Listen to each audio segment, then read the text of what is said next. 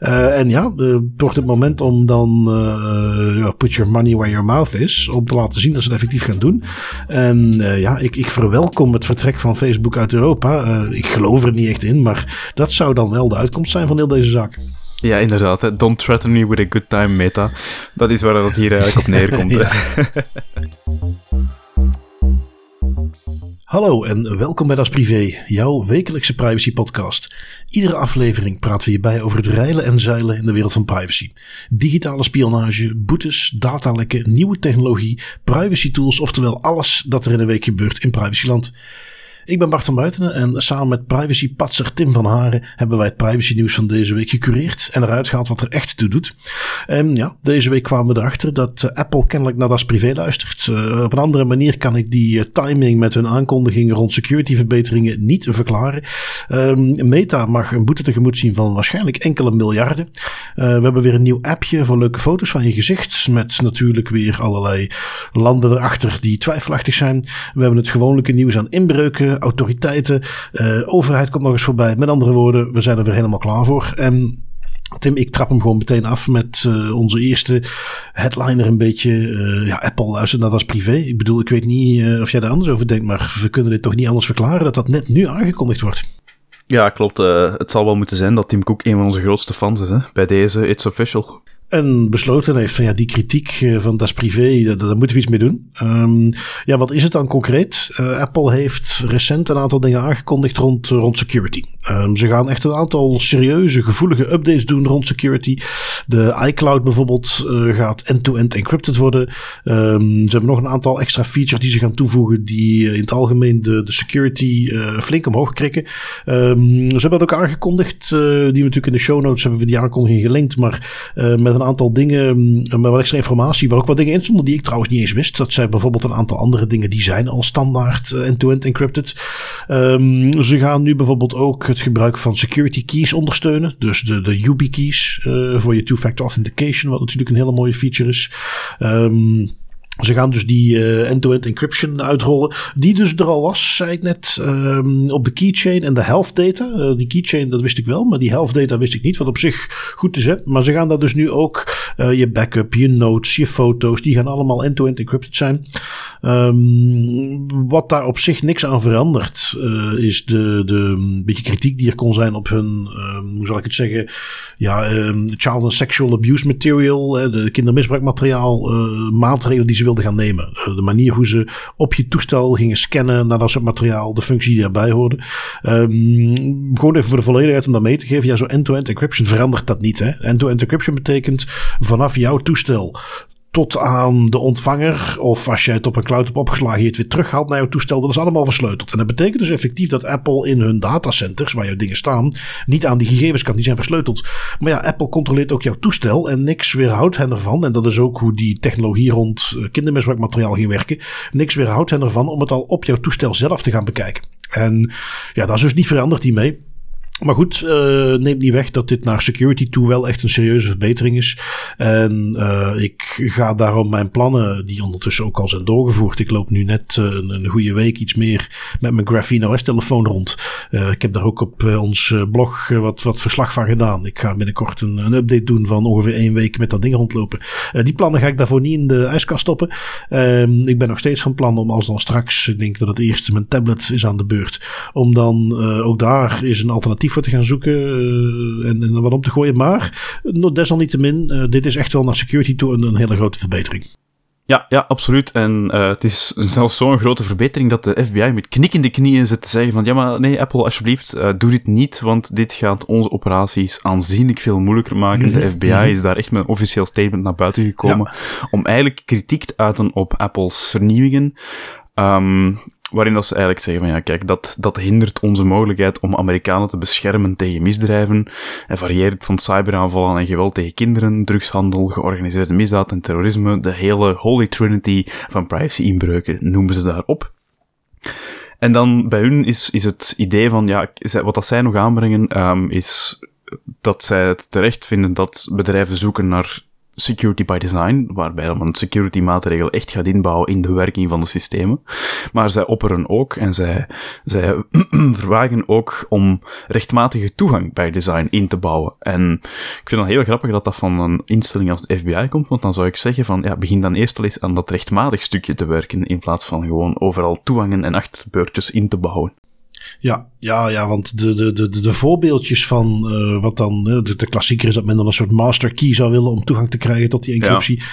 En de voorbeeldjes wat daarmee verkeerd kan gaan, die, die blijf je regelmatig tegenkomen. En eigenlijk, zonder dat die van tevoren in onze show notes stond, maar, maar het ideale voorbeeld daarvan hebben we heel recent nog gezien. Uh, want een aantal grote fabrikanten waren hun uh, Android signing key kwijtgeraakt. Die was publiek beschikbaar. Wat is mm -hmm. zo'n signing key? Dat is hetgene waarmee een aantal fabrikanten hun software ondertekenen, zodat die op Android-omgevingen uh, vertrouwd zijn. Dus dat als je, hè, daar zit natuurlijk een, een features in de, in de software van Android die ervoor zorgen dat niet zomaar ieder stukje software mag gaan draaien op een Android-toestal en, en, en, en bijvoorbeeld een virus allerlei dingen kan gaan doen. Nee, je moet in een soort vertrouwenslijst zitten. Nou, en die vertrouwenslijst, die mm -hmm. bevestig je, je laat zien dat jouw software daarop hoort te staan door die te gaan tekenen met een bepaalde sleutel die je hebt gekregen.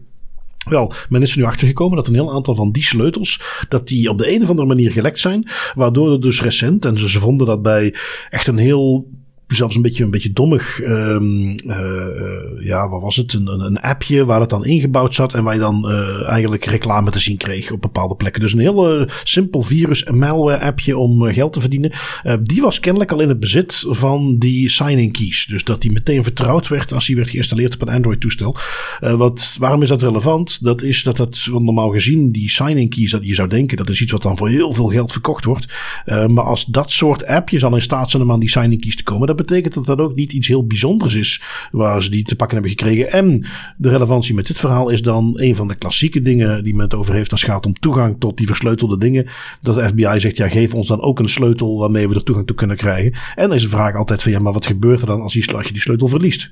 En het argument, ja, maar wij zijn toch de politiediensten, wij verliezen zoiets niet. Ja, dat is iets waar je dus nu recent weer genoeg voorbeelden van ziet. Zo werkt het niet. Je, je gaat het gewoon een keer kwijtraken. Dat is nu helemaal niet gebeurd.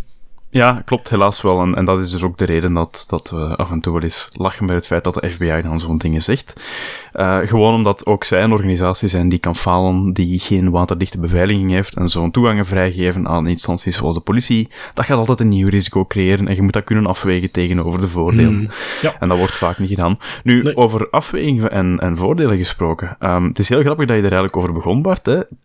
Het scannen van kindermisbruikmateriaal wordt inderdaad niet per se tegengehouden door die end-to-end encryption van Apple. Maar dat is op zich geen probleem, want Apple heeft gezegd, wij trekken de stekker uit die controversiële scanner.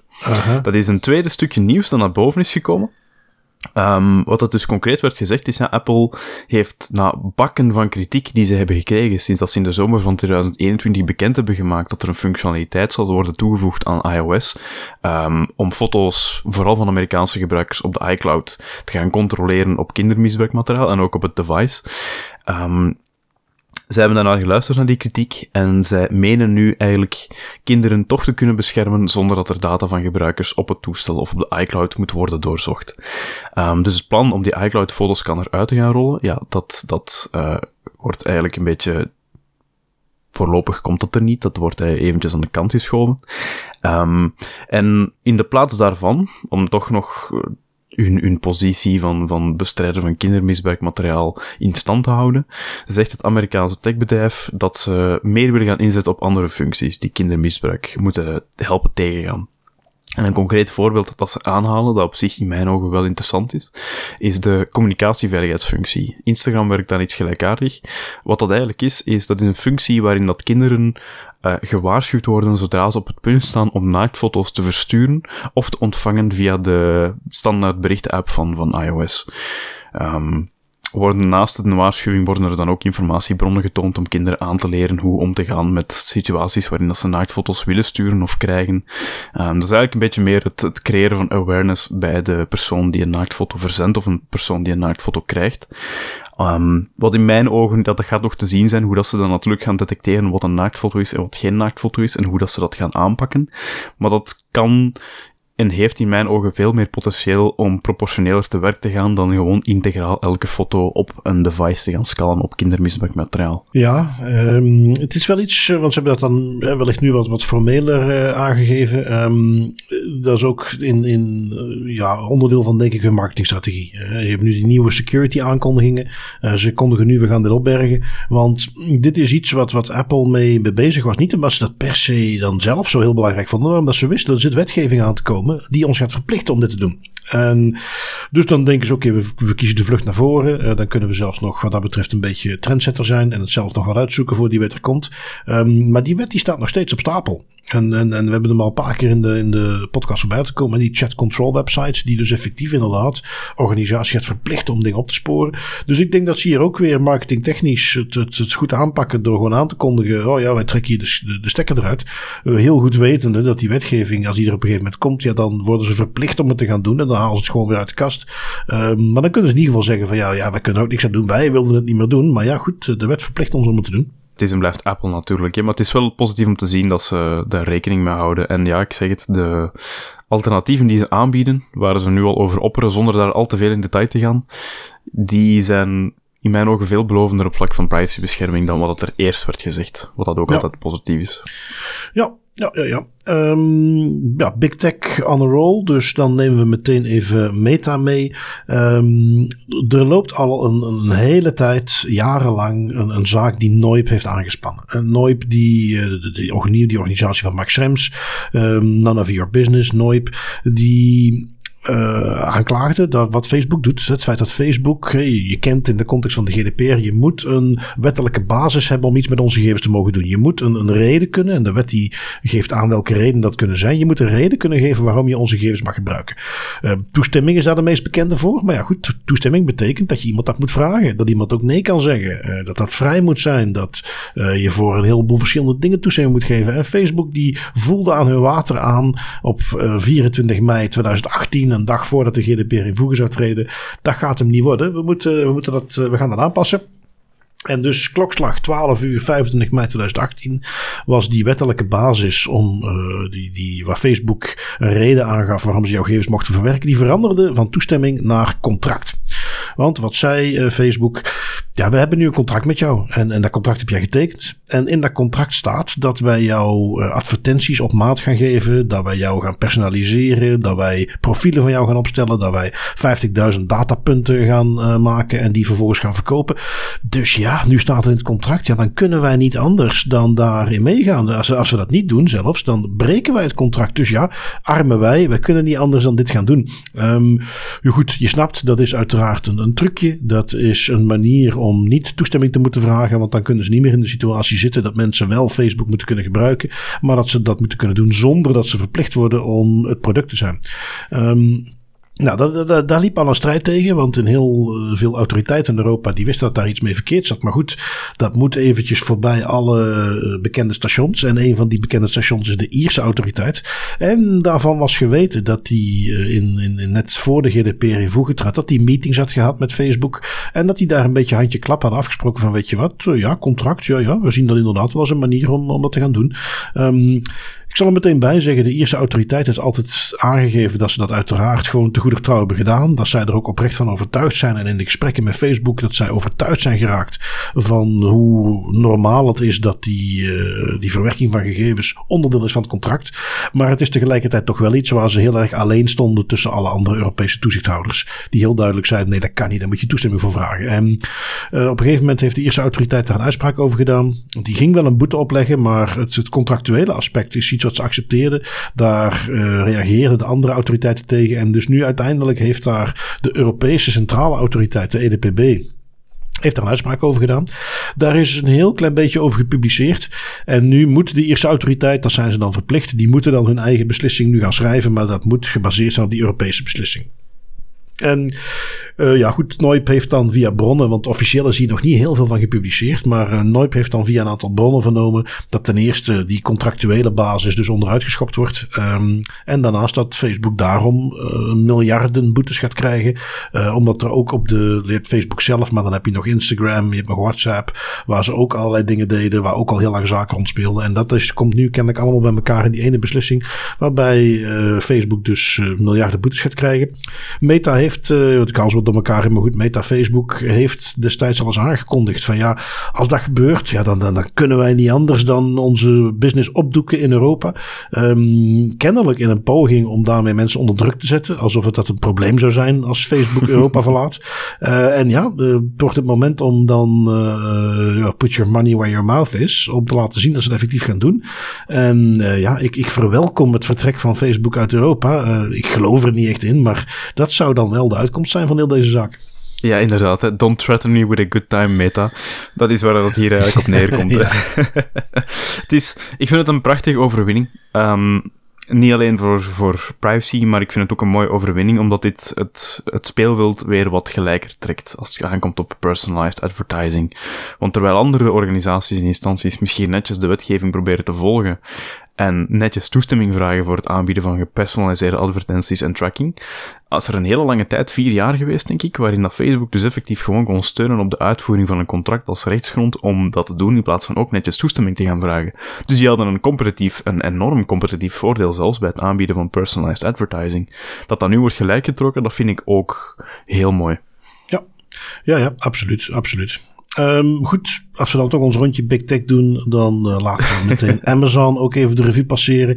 Uh, die hebben kennelijk een mooi rekensommetje gemaakt. En uh, als ik jouw verwijzing voor het artikeltje goed lees, Tim, hebben ze besloten dat onze privacy 2 euro waard is. Ja, ja, klopt. 2 dollar, of omgerekend nu met de huidige wisselkoers, is dat een, een, een dikke 2 euro inderdaad. Hè. Um, dat is wat Amazon bepaald heeft dat jouw privacy waard is. Of toch de privacy van alles wat er gebeurt op je smartphone. Want wat zij, waar zij recent mee naar buiten gekomen is een, een uh, initiatief het idee van Amazon is dat je via wat zij noemen het Shoppers Panel, wat dat een of ander dashboard is van uw Amazon-account op hun, op hun webstores, um, dat je daar als, uiteraard alleen in Amerika, thank god voor GDPR, een opt-in kan krijgen. Dus je kan, je kan een opt-in geven uh, in ruil voor 2 dollar. Want dan ook al de vraag is of dat dan een geldige opt-in is of niet. Um, en als je dan toestemming geeft aan Amazon en je krijgt die 2 dollar, dan, mag je, dan geef je eigenlijk toestemming aan Amazon dat zij alle activiteit, uh, met name alle al het gebruik van applicaties, al het gebruik van internettoepassingen, uh, surfgedrag, dat ze dat zeer nauwkeurig gaan monitoren, met als doeleinde eigenlijk het in kaart brengen van welke advertenties van het Amazon Advertising Network dat eigenlijk bij jou komen te liggen en die jij te zien krijgt. Om zo eigenlijk een beter beeld te scheppen over hun, hun advertising model en hoe goed dat dat werkt en, en dat fine-tunen zodat de mensen die heel veel geld betalen om advertenties te plaatsen op het Amazon Ad Network, om uh, dat beter te kunnen verantwoorden, dat die zoveel geld moeten blijven betalen. Dus het is eigenlijk volledig gedacht, uitgedacht met het idee om het advertising model van Amazon in stand te houden. Nou, de keerzijde van die medaille is, ja, je krijgt daar 2 dollar voor per maand. Um, maar tegelijkertijd, van zodra je die toestemming geeft, wordt eigenlijk alle activiteit op jouw smartphone getracked. Dus alles wat er gebeurt in applicaties, in surfgedrag, in browsers, dat wordt getracked, dat wordt gemeten en dat wordt gelogd door Amazon om eigenlijk die metrics te kunnen voorzien. Of dat dat gaat lukken, of dat dat een succesverhaal gaat worden, dat is natuurlijk nog maar de vraag. Uh, Amazon is trouwens niet de eerste die daarmee afkomt. Google heeft een gelijkaardige tactiek proberen te gebruiken in 2012 al. Dat heette toen de Google Screenwise. Um, en dat gaf mensen die toegang hadden tot Google Screenwise um, in ruil voor Amazon giftcards. Moest je dan een browser-extensie gebruiken op je browser of zelfs een stukje hardware om um, je netwerkverkeer in je huis te gaan monitoren. 2016 heeft Facebook ook iets gelijkaardigs gedaan. Um, dat 13 tot 25-jarige giftcards gaf in ruil voor het downloaden van een, van een VPN-app die net niet de privacy beter beschermt, maar net al het verkeer terug opnieuw gaat monitoren. Beide projecten van zowel Google als Facebook Um, ja, daar zijn heel veel privacyklachten over geweest. Er zijn, een aantal zaken mee gebeurd. Dat heeft heel veel wenkbrauwen doen fronsen en die zijn uiteindelijk doodverklaard, beide in 2020. Daar is niks meer mee gebeurd. De prullenbak in. Dus de vraag is nu of dat bij Amazon ook zo gaat zijn. Ja, en het is weer, kijk, het, is niet voor niks dat die dingen uiteindelijk niet werkten. En het is ook, tenminste, ik verwacht niet dat dit in Europa uh, beschikbaar wordt. Want um, ja, in de basis zit hier gewoon een serieus probleem mee. Hè? Dat is, je, zelfs als iemand daarmee instemt, moet je altijd afvragen: is dit iemand die gewoon denkt, ach, mij boeit het niet en ik vind het prima en al leuk, 2 euro dollar erbij. Of is het iemand die zegt van, goh, dit is voor mij net het verschil tussen wel of niet dat ding kunnen kopen. Ik heb geen geld, ik heb weinig geld. Um, weet je wat, als ik dit nu doe, dan kan ik het toch net doen. Um, en, en, dat je dus uh, de basis is voor een privacy klassenmaatschappij. En het doet me altijd even terugdenken aan iets wat ik... Um, ja, wat is dat? Dat is ondertussen misschien al twintig jaar geleden. Uh, dat ik dat ook deed. En um, uh, wat, wat, deed ik toen? Dat was iets waar je toen redelijk makkelijk ook kon inschrijven. Dan werd je lid van een of ander panel. En dan kreeg je gewoon allerlei surveys toegestuurd. En die moest je dan beantwoorden. En zo kon je dan geld verzamelen. Um, ik weet niet meer of het een, een tegoedbon... Ja, volgens mij was het een soort bol.com tegoedbon of zo. Zoiets was het. Um, goed, wat kreeg je? Ik kreeg die surveys binnen. En uh, ook toen was ik al, al best wel privacy bewust. Uh, ik noem maar wat. Ik ging voor het eerst een VPN gebruiken. Want ik downloadde allerlei torrents. Um, uiteraard om, de verschillende Linux images te kunnen downloaden waar ik mee werkte toen. Voor de rest niks. Maar ik gebruikte een VPN om dat van verschillende bronnen te kunnen halen. dus ik was er al veel mee bezig. En dan gebruikte die surveys. En ja, dat was gewoon willekeurig onzin invullen natuurlijk. Um, en dat is een beetje de vraag, nog even los van de manier hoe je dit eventueel kunt gebruiken om mensen hun, privacy afhandig te maken die dat geld gewoon te goed kunnen gebruiken. En hoe eerlijk dat is. Nog los daarvan kun je je afvragen in hoeverre um, werkt dit ook echt. Um, het is trouwens wel iets waar hier, als ik me niet vergis, uh, Tim, ik weet niet of je het hebt kunnen lezen, maar dat het, het niet zozeer te maken heeft met hoeveel dingen je surft of doet, dat je het op die manier kunt beïnvloeden. Het is gewoon een vast bedrag en je wordt gewoon getracked, maar je moet voor de rest niks doen. Hè? Nee, klopt. Het is, dat is redelijk simplistisch opgesteld. Je krijgt gewoon die 2 dollar. Je geeft op dat moment je toestemming. En op dat moment um, sta je eigenlijk Amazon toe via hun shoppingpanel. Dat zij, dat zij eigenlijk internetverkeer van op je smartphone en gedrag beginnen te tracken. Vooral met als doeleinde om dan te gaan kijken van, ah ja, die persoon die krijgt advertenties in applicaties of in de browser. Zijn die advertenties relevant? Kloppen die met het profiel dat we hebben? Moeten wij ons profiel gaan bijstellen? Mm. En van waar komen die advertenties? Om dat eigenlijk ja. allemaal te gaan fine-tunen. Ja, nou ja, goed. Hele, hele slechte ontwikkeling. Um, en 2 ja. Dollar. Kijk, het is natuurlijk voor Amazon is dit een no-brainer. Daar kunnen ze ontzettend veel mee. En waarschijnlijk, zoals het in Amerika gaat, heb je voor die 2 dollar geef je ook meteen een waiver. Dat ze alles mogen doen wat ze willen met die gegevens. Dus dat is een absoluut koopje voor Amazon. Um, ja, dus ja, dat is inderdaad hetgeen wat ik nog het meeste schrik voor ga hebben. Is dat inderdaad Amazon op die manier, op slinkse wijze eigenlijk voor pocket change um, volledig ownership krijgt van die data. Want ze hebben ervoor betaald wat dat hun positie sterker zou moeten maken. In plaats van als ze gewoon toestemming vragen, dat de hele verwerking baseert op toestemming. Ja. Ja, um, nu goed. Uh, we zullen eens zien hoe populair dat wordt. Want tegelijkertijd hoop ik toch dat voor de meeste mensen die 2 dollar, dat ook niemand zegt van weet je wat, dat is me eigenlijk totaal de moeite niet. Ik ga me daarvoor niet laten tracken. Dat is nog het meeste wat kunnen hopen. Um, eh, wat heb ik nog meegenomen? Eh, weer eens een keer een, nieuw appje dat eronder doet. Uh, je herinnert je misschien ook de Face app, niet zo heel lang geleden, waar je dan een foto kan uploaden en dat ging dan laten zien hoe je ouder werd. Hoe je eruit ziet als je ouder was. En dat was ook eventjes heel gehyped en, en, en heel populair. Um, er is een nieuwe. Lenza heet die. Lenza is van Russische makelij. En het idee is dat jij een, een, aantal foto's van jezelf uh, uploadt. En dan geven zij jou daar een soort digitaal kunstwerk van terug. Uh, kunstwerk bedoel ik daarmee een verfraaide versie van al die foto's. Um, hoe, uh, hoe zit het in zijn werk? Want oorspronkelijk was Lenza ooit gelanceerd als gewoon foto-editing software. Um, dus ze bestaan al veel langer. Maar nu met een nieuwe feature hebben ze een beetje. Uh, ja, echt zijn ze viral gegaan. Um, die feature is dat je dus. Ja, ik geloof dat je. Wat is het? Uh, 4 dollar moet betalen. Um, dan geef je een hele berg uploads uh, van jezelf.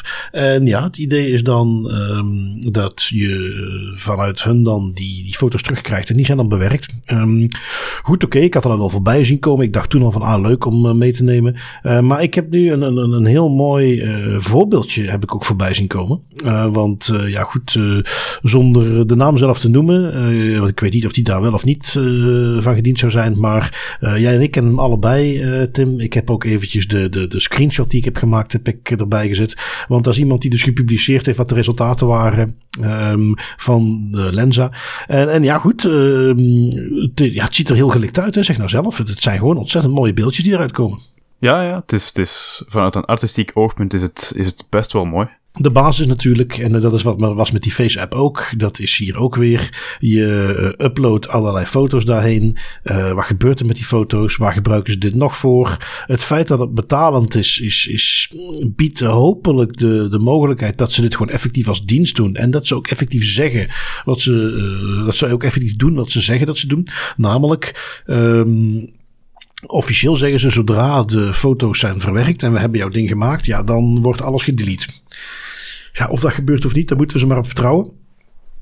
En opnieuw gelet op de oorsprong uh, van Russische makelij is dat, um, ja, is dat even de vraag. Um, gaan we meteen trouwens als um, disclaimer bij zeggen, de persoon die dat heeft gepubliceerd, uh, die, die, uh, wat die ook iemand met privacy bezig is, moet ik erbij zeggen, die heeft dan wel aangegeven, ja, ik heb er alleen maar foto's gebruikt die sowieso al publiek beschikbaar zijn. nu, in dit specifieke geval zijn dat heel erg veel foto's, dus dan heb je sowieso wel iets om uit te kiezen. en ja, goed, dat is nu, ja, kijk, geen betere manier, mocht dit dan toch een beetje evil in elkaar zitten, geen betere manier om hun, mensen hun privacy af te pakken dan ze te vleien. Want wat hieruit komt, laten we het heel simpel zeggen, ik bedoel, dat zijn hele mooie plaatjes, maar niet alleen omdat ze digitaal goed gemaakt zijn, maar ook omdat je er gewoon veel beter uitziet dan je er in het echt uitziet natuurlijk. wat dat, grappig is dat je dat zegt, Bart, want dat is inderdaad iets dat mij um, ook enorm hard is opgevallen. En uh, op Twitter en op LinkedIn waren er ook heel veel mensen dat erover bezig waren. Want het is wel, het is wel een kleine hype, die app.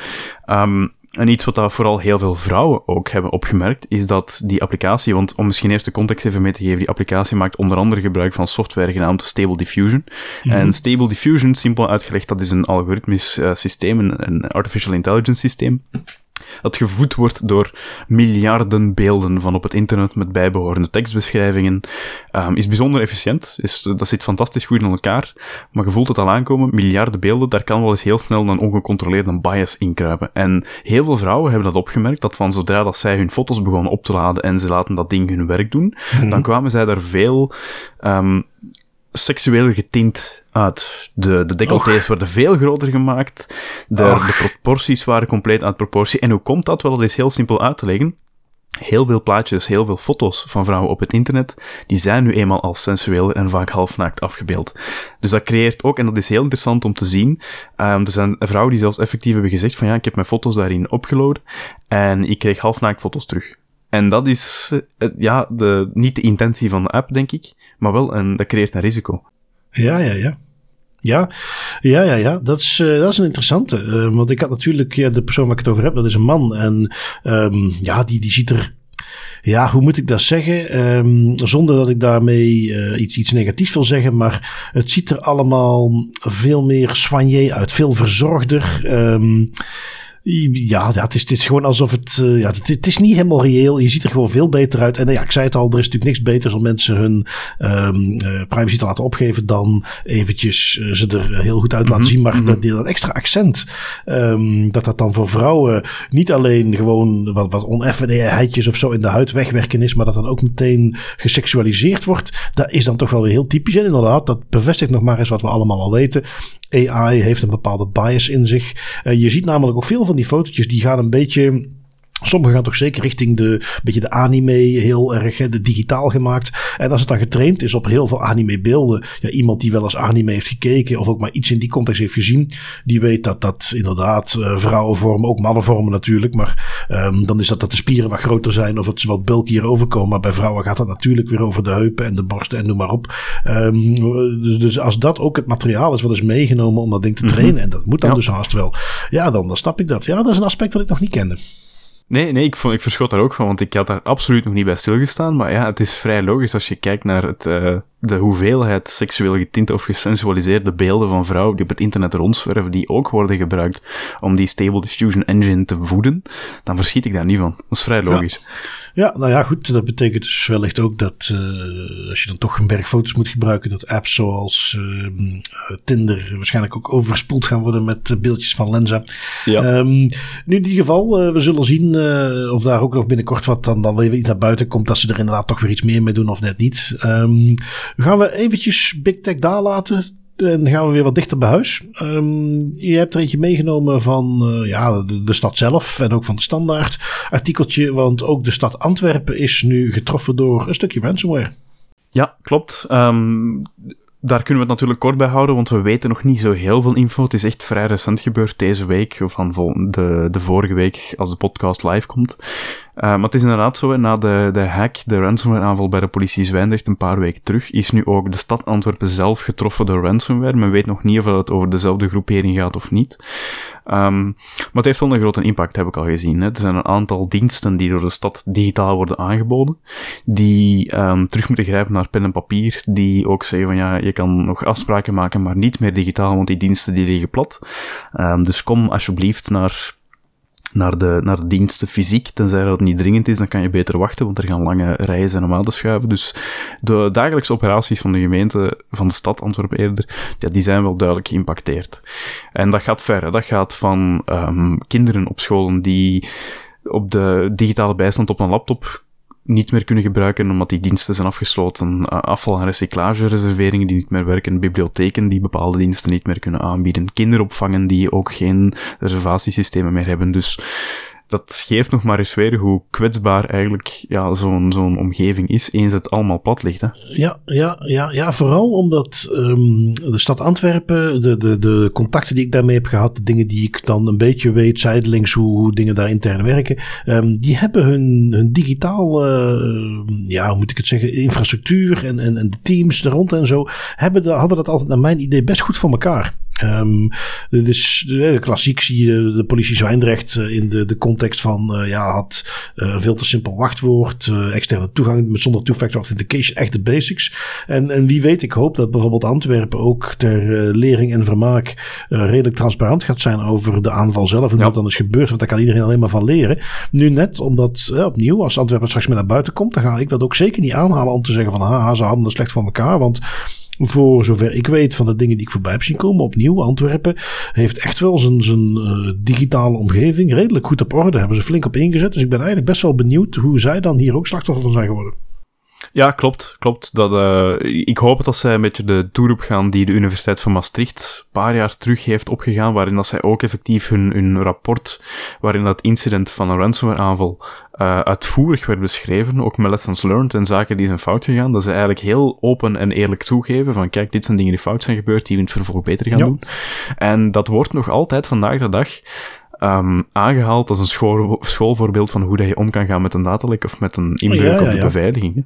En uh, goed, als we even, toch even een das privé, das beter mag meegeven. Als je op dit moment een van de IT-partners bent van de stad Antwerpen, is dit het moment om even je contracten na te gaan kijken. En om even te kijken wat je gedaan hebt. Want ja. Hof van Twente, een recenter voorbeeldje, haalde voor 4 miljoen hun verhaal. Um, dat kan bij de stad Antwerpen wel eens een nulletje achterkomen als het echt een hele serieuze ransomware aanval is. Voordat ja. die weer op poten staan.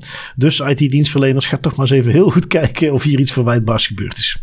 Ja, het kan helaas twee kanten op gaan. Hè. Of men is ja. er heel netjes en transparant over, of men begint het in de rechtbanken uit te vechten om toch maar met de vinger te kunnen wijzen naar een zwart ja. Dat is waar. Um, door naar uh, Stad Gent.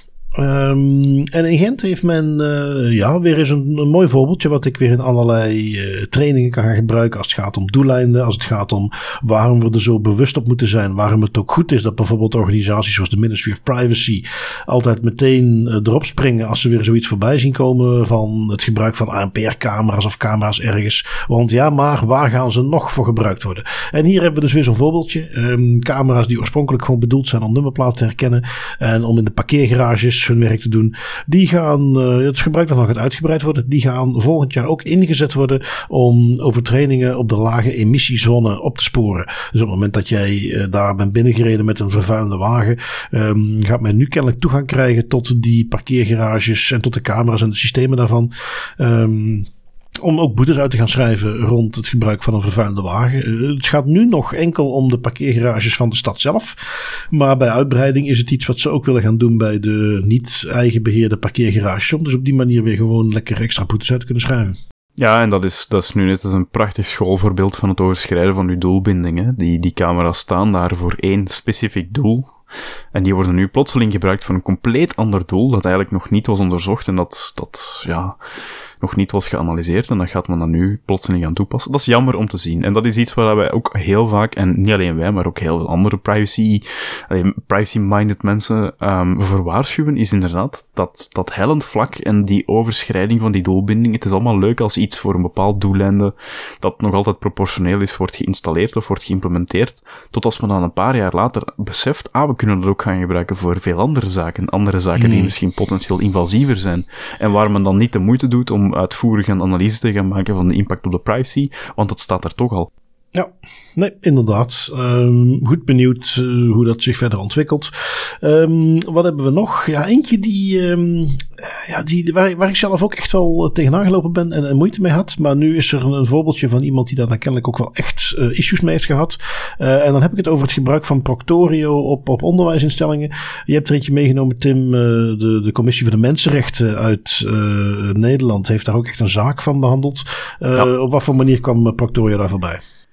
Um, wel ja, Proctorio, misschien voor de mensen die je nog niet goed kennen. Proctorio is um, een van de vele monitoring softwares die vooral gebruikt wordt bij het uh, tentamineren van, van examens, en bij, bij examens um, die remote worden afgelegd. het idee is eigenlijk dat je dus software hebt die je desktopomgeving afsluit, je camera staat aan, je microfoon staat aan en dat ding biedt eigenlijk de mogelijkheid aan docenten om uh, live of zelfs achteraf ook te gaan monitoren wat studenten nu eigenlijk uitspoken in hun, in hun kamer of welke omgeving dan ook, waar als ze hun examen aan het uitvoeren zijn, om er zo voor te zorgen dat er geen misbruik wordt gepleegd van remote examens.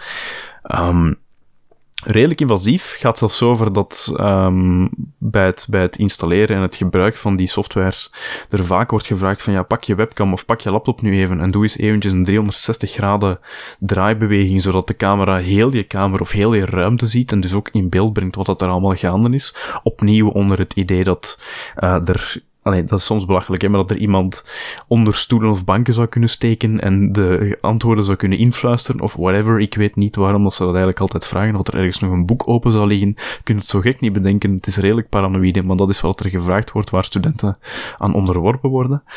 Um, en die dingen die detecteren ook van alles. Die detecteren ook of dat jij op je desktop aanwezig bent, of dat jij achter je, je scherm zit, of dat jij kijkt naar je scherm of naar iets anders. Dat kan redelijk ver gaan.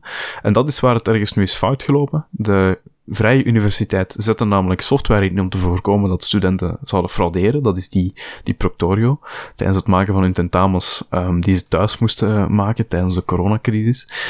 Um, het probleem is, en dat hebben we al een aantal keer aangehaald, die algoritmes, de beeldherkenning, dat werkt niet altijd goed op mensen met een donkere huidskleur of met een andere huidskleur dan blanke huidskleuren.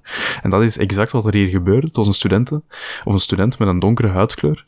En die had meerdere keren proberen inloggen.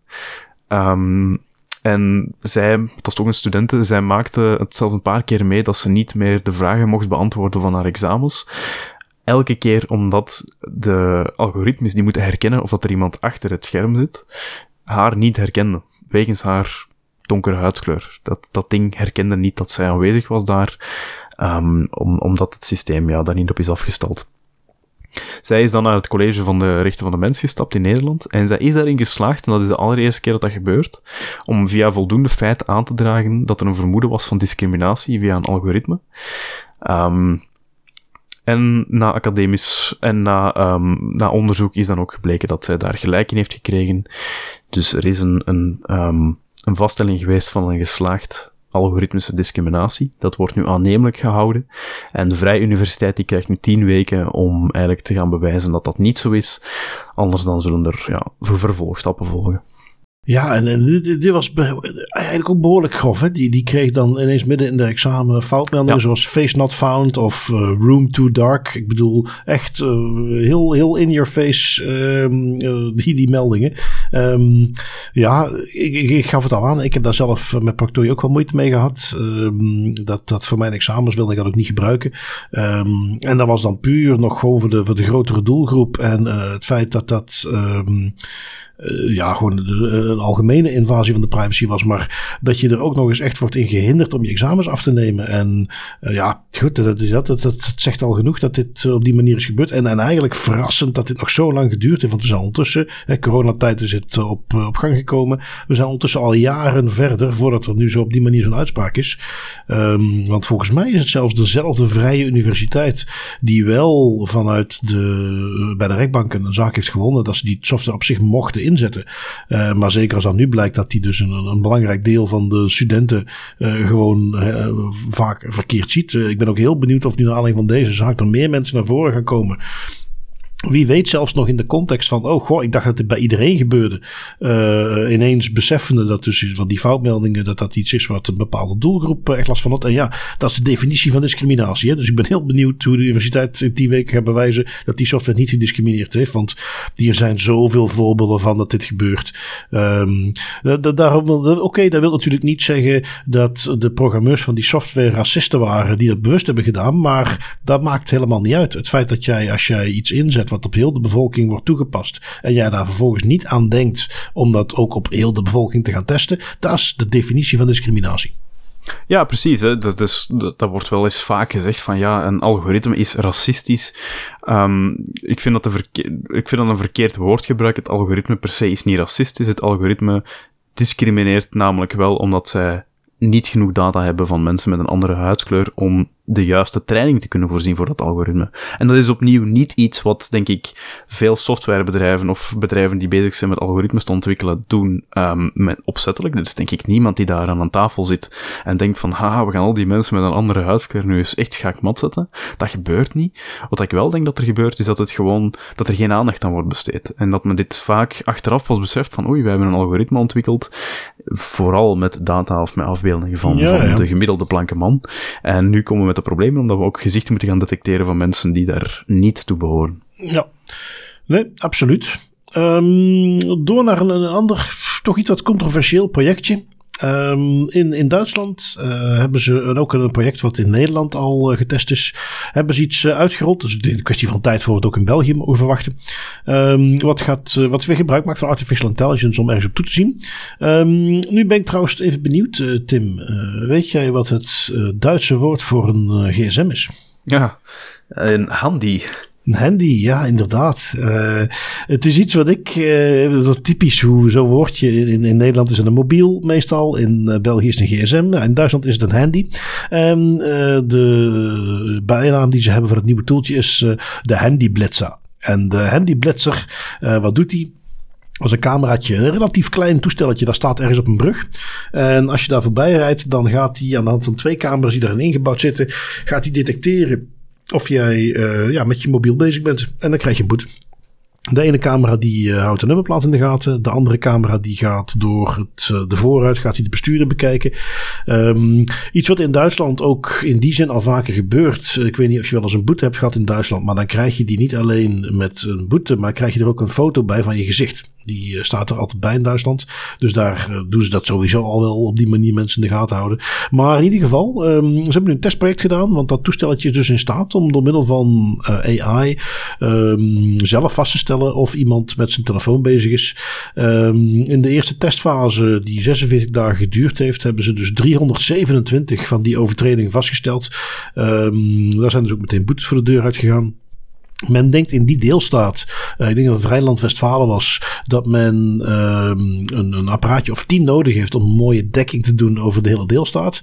Um, goed, dit leidde meteen tot uh, protest. Mensen die boetes aanvechten, die ook aangeven van ja, ik ben gefilmd zonder mijn toestemming. Um, de, de, de, relevante betrokkenen zeggen ook van ja, hier is geen wettelijke grondslag voor. het is in die zin ook een proefproject. De, de, de autoriteit zegt zelf van ja, de, de wetgeving die dit misschien in die noden nog helemaal goed kan maken, die, die is er nog niet. Um, ja, de, de, de, de, Nederlandse politie, die het dus al een tijdje gebruikt heeft, die heeft er ook een DPIA bij gemaakt, de uitvoering hiervan. Die is ook door iemand in het kader van openbaarheid van bestuurders die opgevraagd. Ik heb al veel slechtere DPIA's gezien, moet ik zeggen. En, en een van de dingen die er ook voorbij komt, is dat dat ding is wel echt al heel erg accuraat. Uh, 94% uh, val, ja, goed beoordeeld en 6% dus false positives. Um, Dus mensen die ten onrechte uh, wordt gezegd dat die met een telefoon bezig zijn.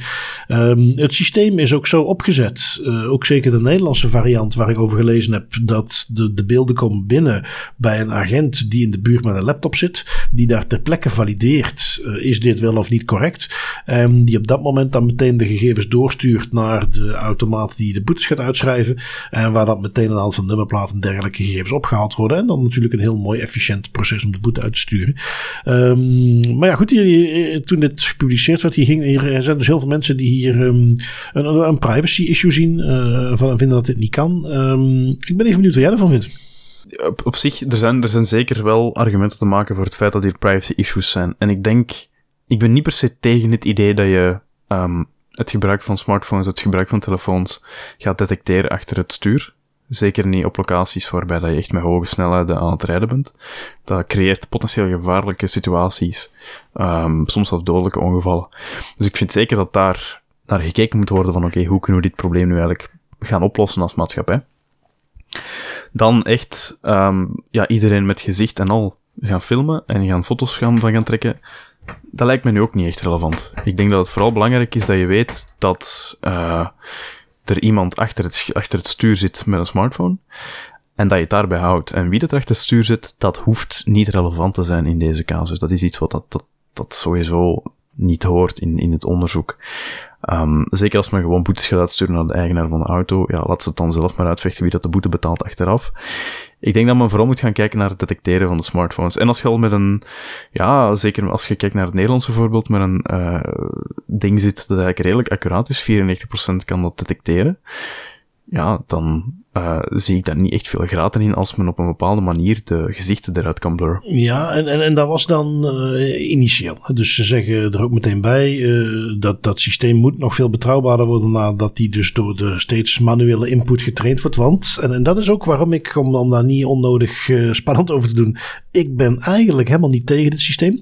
Want die zitten een aantal dingen ingebouwd die, ja, die wat mij betreft ook privacy by design zijn. Ten eerste, um, dus het feit dat er een manuele validatie Dit is niet volledig geautomatiseerd. Er gaat altijd een mens zijn die zegt: is dit wel of niet een boete?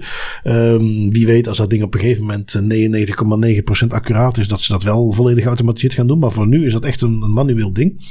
Um, de software is ook zo ingeregeld dat auto's die worden uh, gefilmd en die in het beeld terechtkomen, die worden voordat de mens ze kan zien, worden die al uitgeblurred. Uh, hetzelfde geldt voor mensen die bijvoorbeeld via de bijrijderstoel of de passagiersstoel ook zichtbaar zouden zijn. Dat wordt ook uitgeblurred. Het gaat echt om de bestuurder. Um, de beelden uh, we zouden meteen vernietigd worden uh, nadat de, de boete is uitgestuurd.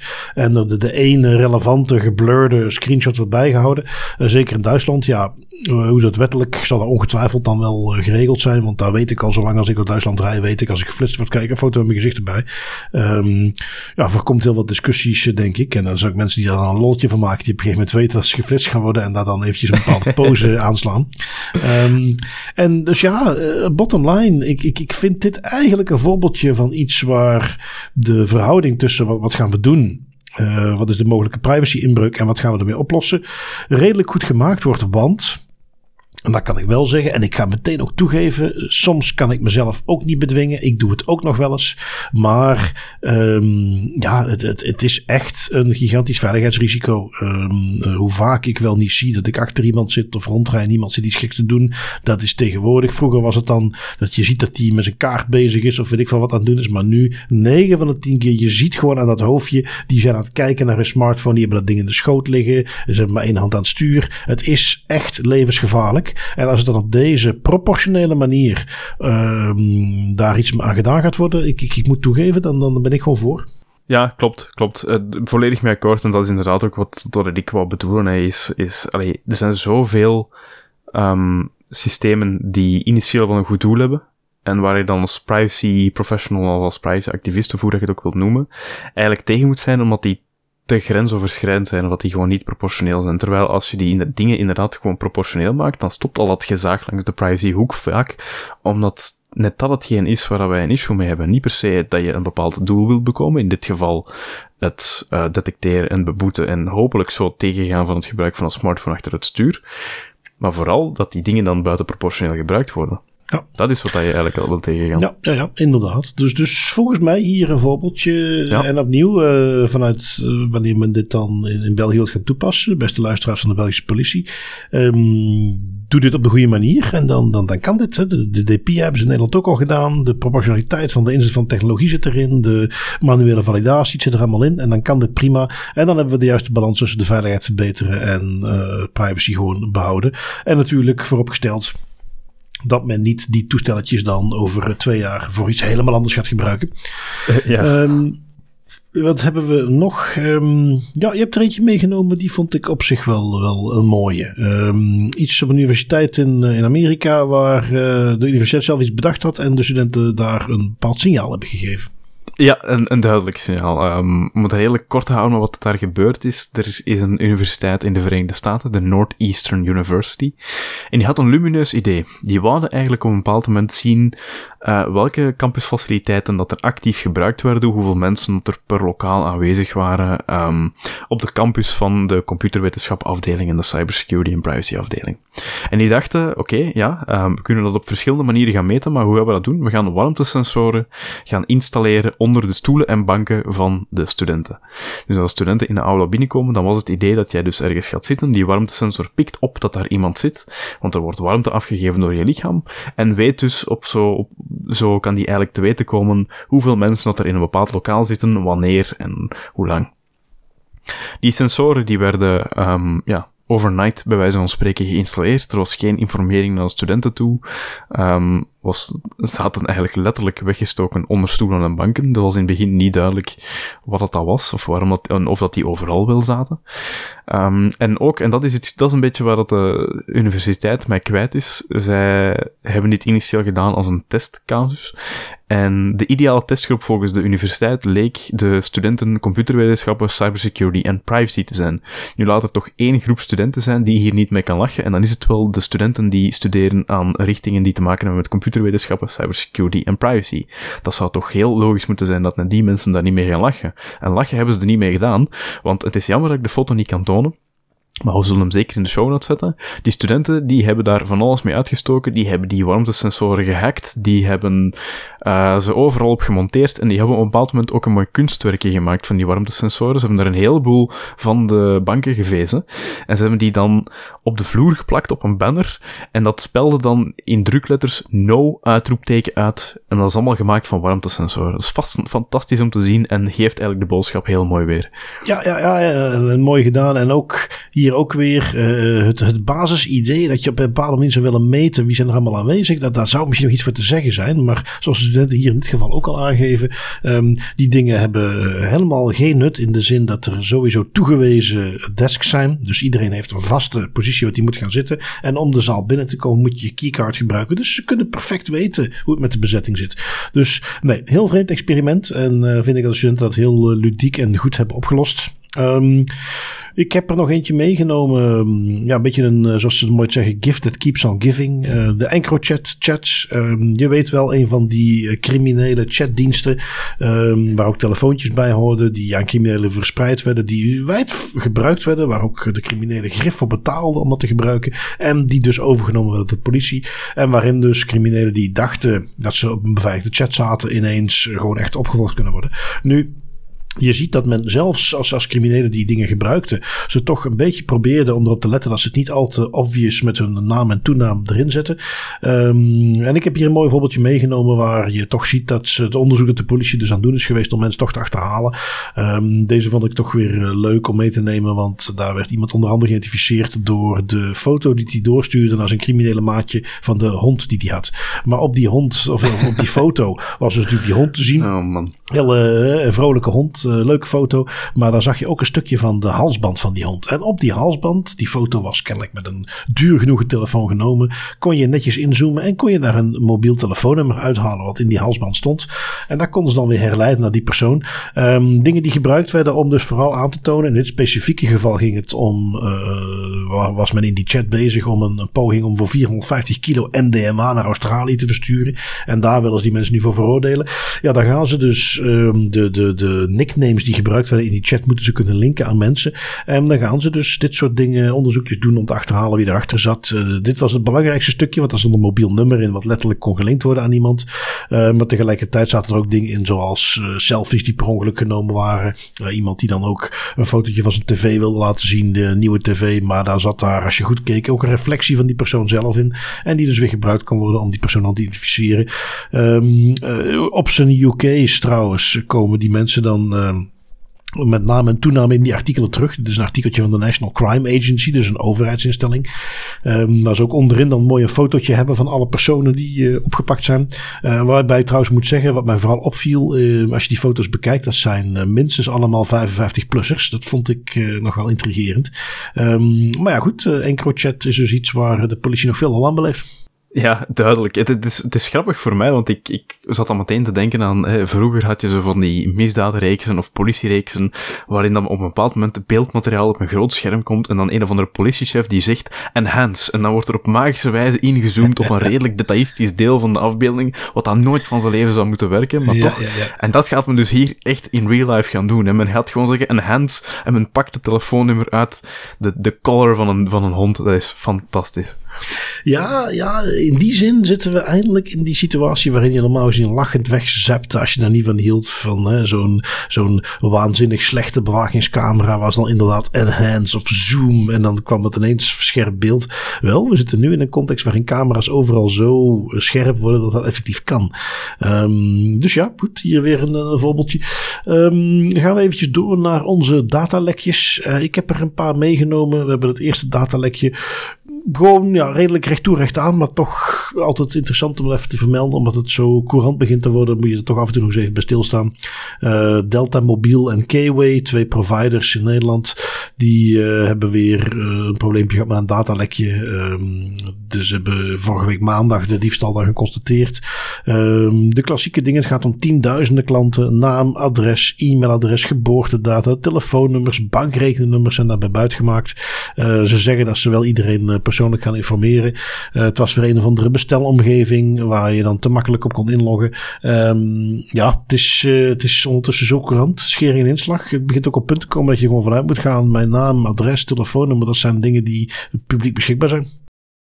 Ja, helaas. Dat is, dat is uh, en ook gewoon, ja, ik, ik heb daar gisteren denk ik nog over nagedacht van ja, wat voor zin heeft het eigenlijk nog dat ik mijn geboortedatum of een ander e-mailadres of een andere naam gebruik bij bepaalde applicaties? Want dat zit toch al ergens in een datalek. Dus zelfs ik word er soms een beetje cynisch van dat ik denk van, ja, is het nog de moeite waard om dat allemaal te verbergen? Ja, nou ja, feit blijft dus dat die gegevens, ook al zijn die gegevens op zich een keer voor jou wellicht al ergens beschikbaar, maar door ze ook op iedere plek mee te geven, zorg je er ook voor dat die gegevens ook steeds weer aan jou gelinkt kunnen worden. Dus het is toch iets waar ik zeker nog wel op let, al, al ben ik het er mee eens, dat ik af en toe dat gevoel ook wel eens heb van, joh, is dat nou echt nog het belangrijkste om uh, verborgen te houden? um, dus ja, weet je wat, ik spring gewoon meteen even door naar het volgende datalekje. In Amerika overigens. Um, maar toch weer extra gevoelig. Het ging hier om duizenden kinderen. Uh, softwareleverancier. Um, echt wel heel, heel redelijk uh, basic. Uh, dat is een, appje wat kennelijk gebruikt werd um, in het, het, ja, als ondersteunend toeltje in de behandeling van mensen of van kinderen met ADHD, autisme, leerproblemen, dat soort dingen. Het was een webapplicatie en daar konden dan scholen en, en, ouders een beetje rond de diagnose en de behandeling die gegevens instoppen. Um, wat bleek nu dat de, de, makers van die software niet beter hadden gevonden dan dat te hosten op zo'n manier dat je gewoon rechtstreeks toegang kon krijgen tot een database. Die database was ook niet beveiligd met een wachtwoord. Dus ja, in en in triest. En uh, ja, het ging dus om meer dan 16.000 records. Dus de gegevens van duizenden kinderen. Um, ja, heel erg uh, triest. Waarbij ik alleen maar kan zeggen dat ik hoop dat ze daar een, serieus boetje voor krijgen. Ja, inderdaad. Inderdaad. Dat is het probleem vaak ook. Het gaat vaak om basale zaken en dat soort voor datalekken die dan soms vergaande gevolgen hebben voor de slachtoffers. Nu goed, uh, boete dan uh, ja, is natuurlijk het makkelijke doorkoppertje naar onze autoriteitenafdeling. Ehm, ik heb er eentje inhoudelijk niet heel bijzonder. We hebben het voorbeeldje al heel vaak gezien, maar één ding sprong er voor mij wat uit. De AIPD, zoals iedereen weet, geen das privé zonder AIPD, heeft een boete van 5000 euro opgelegd aan een 16-jarige tiener.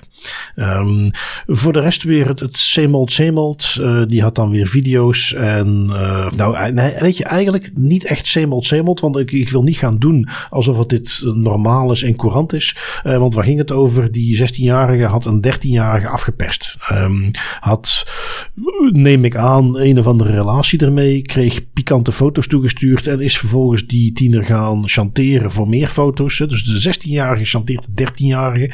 daar zitten we kennelijk al. Um, om dat via WhatsApp te gaan doen. Ik kan er ook meteen bij zeggen dat er ook een criminele procedure is gestart tegen die 16-jarige. Is er ook voor veroordeeld. Um, maar desalniettemin vond de AIPD van ja, kijk, maar dat was wegens het onrechtmatig verspreiden van dat soort materiaal. En waar, we de, waar wij hier nu behandelen is op gegevensbeschermingswetgeving is nog iets anders.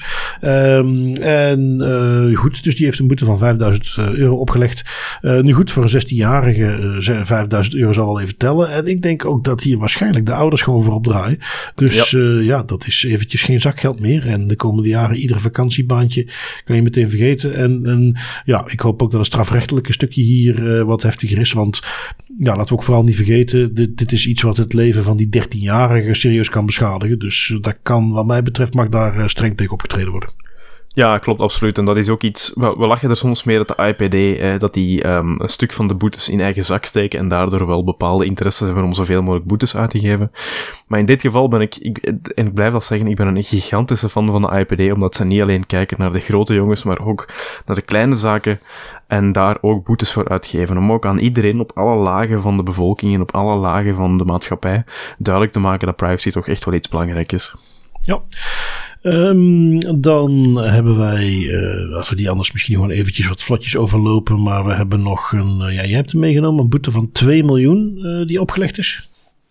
Dat is een boete van 2 miljoen. Die is opgelegd door de Italiaanse Garante uh, aan Alpha Exploration. En Alpha Exploration zal u waarschijnlijk niks zeggen, maar Alpha Exploration is eigenlijk het bedrijf achter het social network Clubhouse. Uh, Clubhouse wat, is een, ja, ja, inderdaad. Hè, mem member Clubhouse. Dat is een tijdje een, een, redelijk populair ding geweest en is dan een stille dood gestorven. Net zoals alle social media applicaties die denken dat ze de next big hit gaan zijn.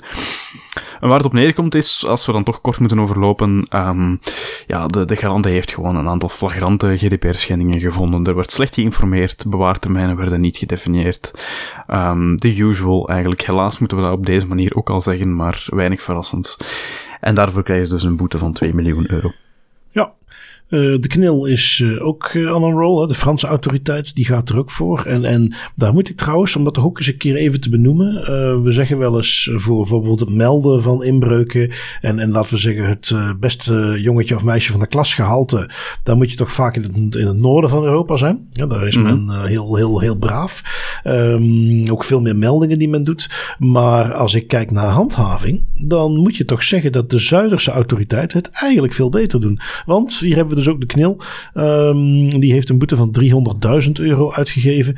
Um, dit was voor free. Ik zal hem trouwens anders meteen even in één moeite door erbij pakken. Ook de een EDF, de energieleverancier, heeft een boete van 600.000 euro gekregen.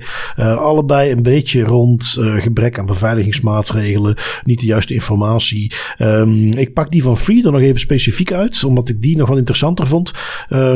die hebben namelijk een boete gekregen. Ten eerste omdat mensen moeilijk ondervonden om hun rechten uit te oefenen.